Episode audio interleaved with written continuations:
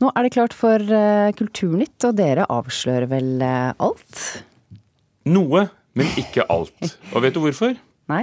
For når det er snakk om TV-serier, så er det altså så sterke følelser hos mange at de ikke vil vite, at de vil vite noe. Så når vi får vår anmelder som har sett de første episodene av Westworld sesong to, så får vi høre med ham hvor mye han vil si, men det er ikke alt. Ok, Hugo. Mandag er det nemlig sesongpremiere på TV-serien Westworld på HBO, kabel-TV-kanal og strømmetjeneste. Også denne gangen spiller norske Ingrid Bolse Berdal en av rollene. Berdal forteller at hun skrev kontrakt om å være med i flere sesonger fra starten av, men hvor mange sesonger og, og alt annet hun måtte vite om serien, er utrolig hemmelig. Slik reagerer skuespiller Ingrid Bolse Berdal da vi spør henne om hun kan avsløre noen hemmeligheter fra TV-serien hun nå spiller i. Jeg ler bare fordi at jeg har filma seks måneder Westworld med at jeg ikke vet hva som skjer neste dag. Sånn at det, det, det, det Velkommen til Westworld. Her vet vi ingenting. Westworld tok TV-serieverden med storm da den hadde premiere på HBO høsten 2016. Serien er basert på en film fra 1973, skrevet av mannen som også skrev historien om Jurassic Park. Westworld handler om en fornøyelsespark som rike mennesker kan dra til. Parken er full av roboter som oppfører seg som mennesker. Og etter hvert så går ikke alt som det skal. Ingrid Bolse Berdal spiller en av robotene. Det er som sagt så hemmelighetsfullt, alt. Sånn at uh, jeg fikk ikke lese de manusene på episoder som jeg ikke er med i, f.eks. Og vet egentlig ikke hva, uh, så mye om hva serien uh, på et vis handler om. Det vil si, hun vet hva første sesong handler om. Men nå, førstkommende mandag, kommer andre sesong av serien. Da du fikk lov til å bli med i denne serien, visste du at du også skulle være med i flere sesonger, og eventuelt hvor mange sesonger? Det er sånn at man må skrive under på et visst antall sesonger for å bli ansatt som det som heter for series regular, som er en av da, hovedrollene i en TV-serie borte i Amerika her. Ehm, så hvis du er kjempestor stjerne, så tror jeg du kan argumentere og få, få skrevet kontrakter på mindre, eh, altså én sesong eller to sesonger. Men stort sett alle her har vel skrevet under på flere, eh, så vidt jeg vet. Hvor mange har du skrevet under på, da? Du, Det vet jeg ikke om jeg har lov å si engang. Jeg ble veldig usikker. De er så hemmelighetsfulle borti her at eh, det går jo an å bli helt paranoid, altså. You and the others on the distant shore. Were you with us? Hvordan blir andre sesong kontra første, ut ifra hva du vet, da? Jeg tror Westworld sesong to blir større, mer brutal, eh, kanskje litt mørkere på enkelte felt. Like overraskende, like mange twists and turns. Why on earth would you ever be frightened of me?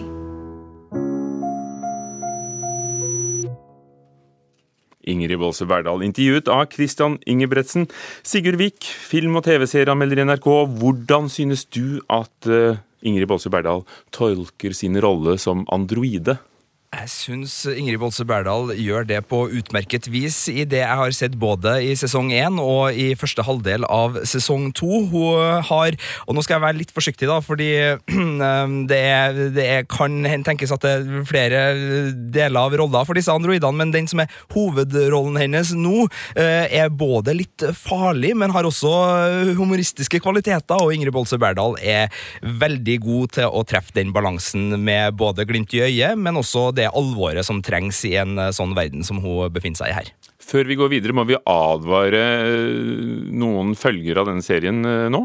Eh, ja, altså hvis du er helt sånn uh, hyperallergisk mot spoilere og ikke vil vite noe som helst om sesong to, så, så, er det litt dumt å høre videre nå, men jeg skal prøve å holde det sånn handlingsmessig spoilerfritt. Hvilke store tema dreier det seg om i andre sesong av Westworld? Eh, den fortsetter denne serien å utforske spesielt da frihet versus kontroll. altså Det er en replikk i første sesongen som heter 'Freedom Under My Control', som uttales da av Anthony Hopkins sin rollefigur Dr. Ford, som har skapt denne parken, og det henger som et sånt tematisk slag slagord. Og så er det jo da der sesong én handla mye om hvordan roboter utvikler selvbevissthet, så tas det videre i sesong to og ser mer på hvordan, hvis man da sier at de har fått frihet og selvbevissthet, hvordan blir da deres ulike erfaringer og ulike programmeringer inn i bildet når de skal forme ulike personligheter og ta ulike moralske veivalg. Så vi er veldig på, på robotsida av det her nå for å se hvordan de vil utvikle seg videre. Men med et filosofisk tilsnitt? Eh, ja, det vil jeg si. Man har både moralfilosofiske og, og mer uh, vitenskapsfilosofiske uh, tilsnitt her, og, og serien er veldig raus med både referanser og, og teorier som, som, går i ulike retninger der, så det er en liten sånn skattkiste for dem som er hakket smartere enn meg òg, vil jeg tro. Hvilke kvaliteter er det serien har, da, i tillegg til dette eh, kanskje skattkammeret for nerder, eh, som har gjort at den har fått et så stort publikum? Nei, det her er jo en av HBOs virkelig sånn prestisjeserier, og har jo et imponerende visuelt uttrykk. altså Den foregår jo både da i de ulike uh, verdenene med, med en sci-fi framtidsvisjon, hvor det er mørkt og kaldt og kjølig og masse maskiner, og så har du da westernlandskapet som er lekkert med, med store landskapspanoreringer og flotte kostymer.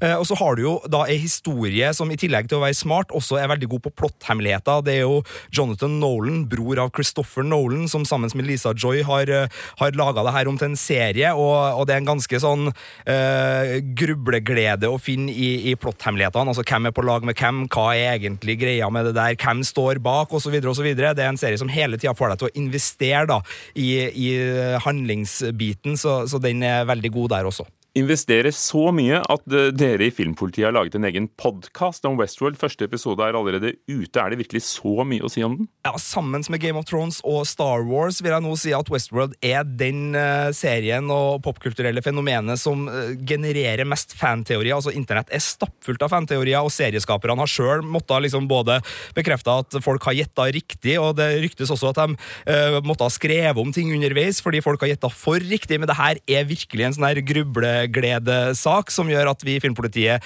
både da snakker om hva som har skjedd, men også da gjetter videre og diskuterer fanteoriene som sender inn til oss. Så, så det her er veldig artig for fansen. Og det er kanskje sånn at HBO tenker at denne serien skal overta når Game of Thrones går inn i sin uh, siste sesong til neste år? Det er i hvert fall en av de seriene som, eh, som er på, på, blokka der for å bli den store HBO-serien. Men nå kommer det jo kanskje spin-off-serier fra Game of Thrones, så vi må jo se hva som kommer der. Og så er det også en storserie som heter Demi Monde, som er på trappene, som eh, produsent JJ Abrams skal lage. Så, så, det er store ting på gang på HBO, men Westworld er definitivt en av de største. Takk skal du ha, Sigurd Vik. Hele anmeldelsen din ligger på nrk.no Film, Filmpolitiets sider. Ingrid Bolsø Berdal kan du lese mer om på nrk.no. Og så er jo podkasten ute òg, så her var det sannelig mye å ta tak i.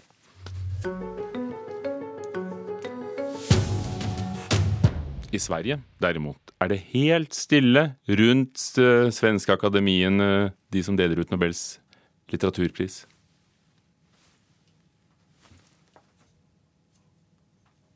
Ja, der, der, skulle vi hørt vår svenske kollega snakke om, eh, snakke om eh, Svenske Akademien. For det har vært sånn at de har ventet på en uttalelse, for de har møter og møter, disse eh, medlemmene der. Og kulturreporter Tone Staude, hva, hva er det svenskene venter på? Ja, altså det var liksom litt sånn stille før eh, stormen, for der har det jo stormet uh, ustanselig. Svenske akademien har altså utsatt sitt svar på rapporten om hvilke forbindelser Katarina Frostensons mann har til medlemmene av Svenska akademien. Mannen er anklaget for overgrep i kjølvannet av metoo-kampanjen. Katarina Frostenson har trukket seg fra Svenske Akademien, som altså bl.a. delte ut nobelprisen i litteratur etter at mannen hennes også er anklaget for å ha lekket prisvinnere til pressen i mange år. Og i forrige uke trakk institusjonens faste sekretær Sara Danius seg, og i tillegg har tre andre av akademiens medlemmer trukket seg. Här är Kulturnytt med mig som heter Amanda Rydman. Först kan jag berätta att det utlovade uttalandet från Svenska Akademin om den pågående krisen inte kommer idag. Så nå som vi hører, eh, er selv ingen nyheter store nyheter i eh, Sverige. Eh, hva skal denne rapporten vise? Ja, altså Rapporten har vært ferdig en god stund. Den er laget av jurister som fikk i oppgave å granske den anklagede mannens kobling til medlemmene i Svenske Akademien. Og, eh, men uttalelsen fra Svenske Akademien lar altså vente på seg, som vi hørte. Det handler om bøker fremdeles, men i Frankfurt, hvor det er eh, ja, kanskje verdens aller største bokmesse, i hvert fall i sterk konkurranse med, med London, eh, som er opptatt av å gi plass til kontroversielle, kontroversielle stemmer. Ja, i et intervju med Klassekampen sier direktøren at han vil fortsette å la kontroversielle utstillere få plass på årets messe. Kontroverser, demonstrasjoner og politisk betente situasjoner er mer regelen enn unntaket i Frankfurt, og i år er de forberedt på russiske protester. Ikke uten grunn. Nei, for årets hovedland, Georgia, sier at de ønsker å bruke messa som en politisk plattform. Og russiske myndigheter har bedt messen om å stoppe Georgias planer, men direktøren har svart at det ikke lar seg gjøre. Neste år er det som kjent Norge som blir hovedlandet i Frankfurt. Da kan det vel ikke bli så, så kontroversielt?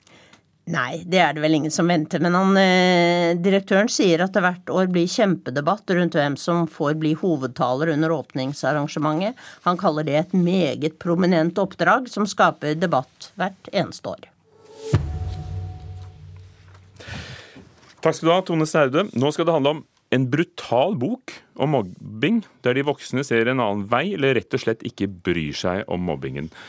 De voksne får nemlig på pukkelen i den første romanen Agnar Lirhus har skrevet for ungdom. Litteraturkritiker her i NRK, Anne Katrine Straume. Du ble opprørt over grovheten i boken. Hvordan? Det er en veldig ubehagelig bok, fordi det handler om Mathilde, jeg forteller, 14 år gammel, som blir mobbet av klassevenninnene sine. Eh, det er trakassering, det er stygge meldinger, det er slåing eh, Vold, rett og slett. Hun tror, mener selv, at det er pga. hennes utseende. Hun er mørk i huden, ser annerledes ut enn de andre. En dag får hun meldingen på eh, mobiltelefonen sin 'I kveld skal du dø'. Hun er ute og går tur med hunden. Jentegjengen følger etter, og de dytter henne ut i den frådende, iskalde elven. Det er så vidt hun overlever. Mathilde kom på sykehuset. Eh, jentene derimot, de får medalje av rektor på skolen fordi de har reddet klassevenninnens liv, som han da mener eh, alle bør ha sett at det er en gjeng som stadig mobber. Det mener Mathilde at det har rektor også sett, men han er opptatt av skolens renommé. Han ser en annen vei. Det samme gjør læreren, og det samme gjør Mathildes mor, som har mer enn nok med seg selv. Det er jo ikke uvanlig i barnebøker og ungdomsbøker at voksne blir eh, fremstilt som dumme eller rett og slett slemme. Bare tenk på Roald Dahl og, og hvordan han lar sine historier vrimle av håpløse voksne. Hva vil Agnar Lirus med, med å portrettere dem sånn? Jeg tror han vil si at de voksne må ta ansvar. Det ligger et ansvar på de voksne om å ta vare på de barna de har ansvar for, selv om de også har blitt, ungdommer. Eh, men først og fremst så er det jo jentene. altså Han unnskylder ikke dem heller, som driver med denne jobbingen, øh, mobbingen. Det er en av dem som får de andre med seg. Eh, og det jeg tror han også vil, er at det er så, å si at det er så lett å tie stille og ikke bry seg hvis noen um, drar deg med og blir med på denne her mobbingen. Så han vil nok at foreldrene, de voksne, skal ta ansvar både for hvordan barna har det, men også for hvordan vi har det generelt i verden. Hvordan det står til med jorden og miljøet vårt, rett og slett. Og hvordan vil han det? Jo, Agnar Lierhus han er jo en forfatter som i hele sitt forfatterskap har vært opptatt av økologi, av miljøvern. Her så kommer Mathilde inn på et møte i Natur og Ungdom, hvor hun hører et foredrag om all plasten som er i havet. Altså, det er jo en høyaktuell bok også, hvor hvaler dør fordi de har magen full av plast. Og så reiser Mathilde seg og sier hun hvordan kan dere bry dere om en hval hvis dere ikke kan se menneskene rundt dere, og at vi alle har like stor verdi. Tittelen er 'Ellers er jeg ikke noe menneske'. Hva, hva legger han i det, tror du? Det er jo et sitat fra Astrid Lindgrens 'Brødrene Løvehjerte', der den store bror Kavring, eh, Jonathan sier til Kavring eh, at du må gjøre noe vanskelig i livet, noen gang noe farlig. For hvis du ikke gjør det, så er du ikke noe menneske, bare en liten lort. Mathilde hun tar ansvar. Hun slåss mot mobberne, og hun bestemmer seg for å reise seg opp og kjempe mot mobberne og for en bedre verden. Er det en god roman? Ungdomsroman? Ja, den er det. Av og til så kan han jo bli litt overtydelig. Det er disse store spørsmålene han snakker om. Og det kan bli kanskje at du ikke tar ungdom helt på alvor hvis de voksne alle sammen er sånne sjablonger eller karikaturer. Men det er et stort engasjement der, et politisk vilje til å vekke oss, og det syns jeg er veldig fint. Agna Lirus, ellers er jeg ikke noe menneske. Takk skal du ha, Anne Katrine Straume. Så minner jeg om nettsidene nrk.no bok, der det er mange flere anmeldelser. Jeg fikk litt frysninger når jeg hørte om denne boken, håper det er greit å si. Det skal handle om bompenger etter Dagsnytt, for i 2025 blir det nemlig mm, kommer disse bommene som skal betale for ny E18, og det blir dyrt for veldig mange.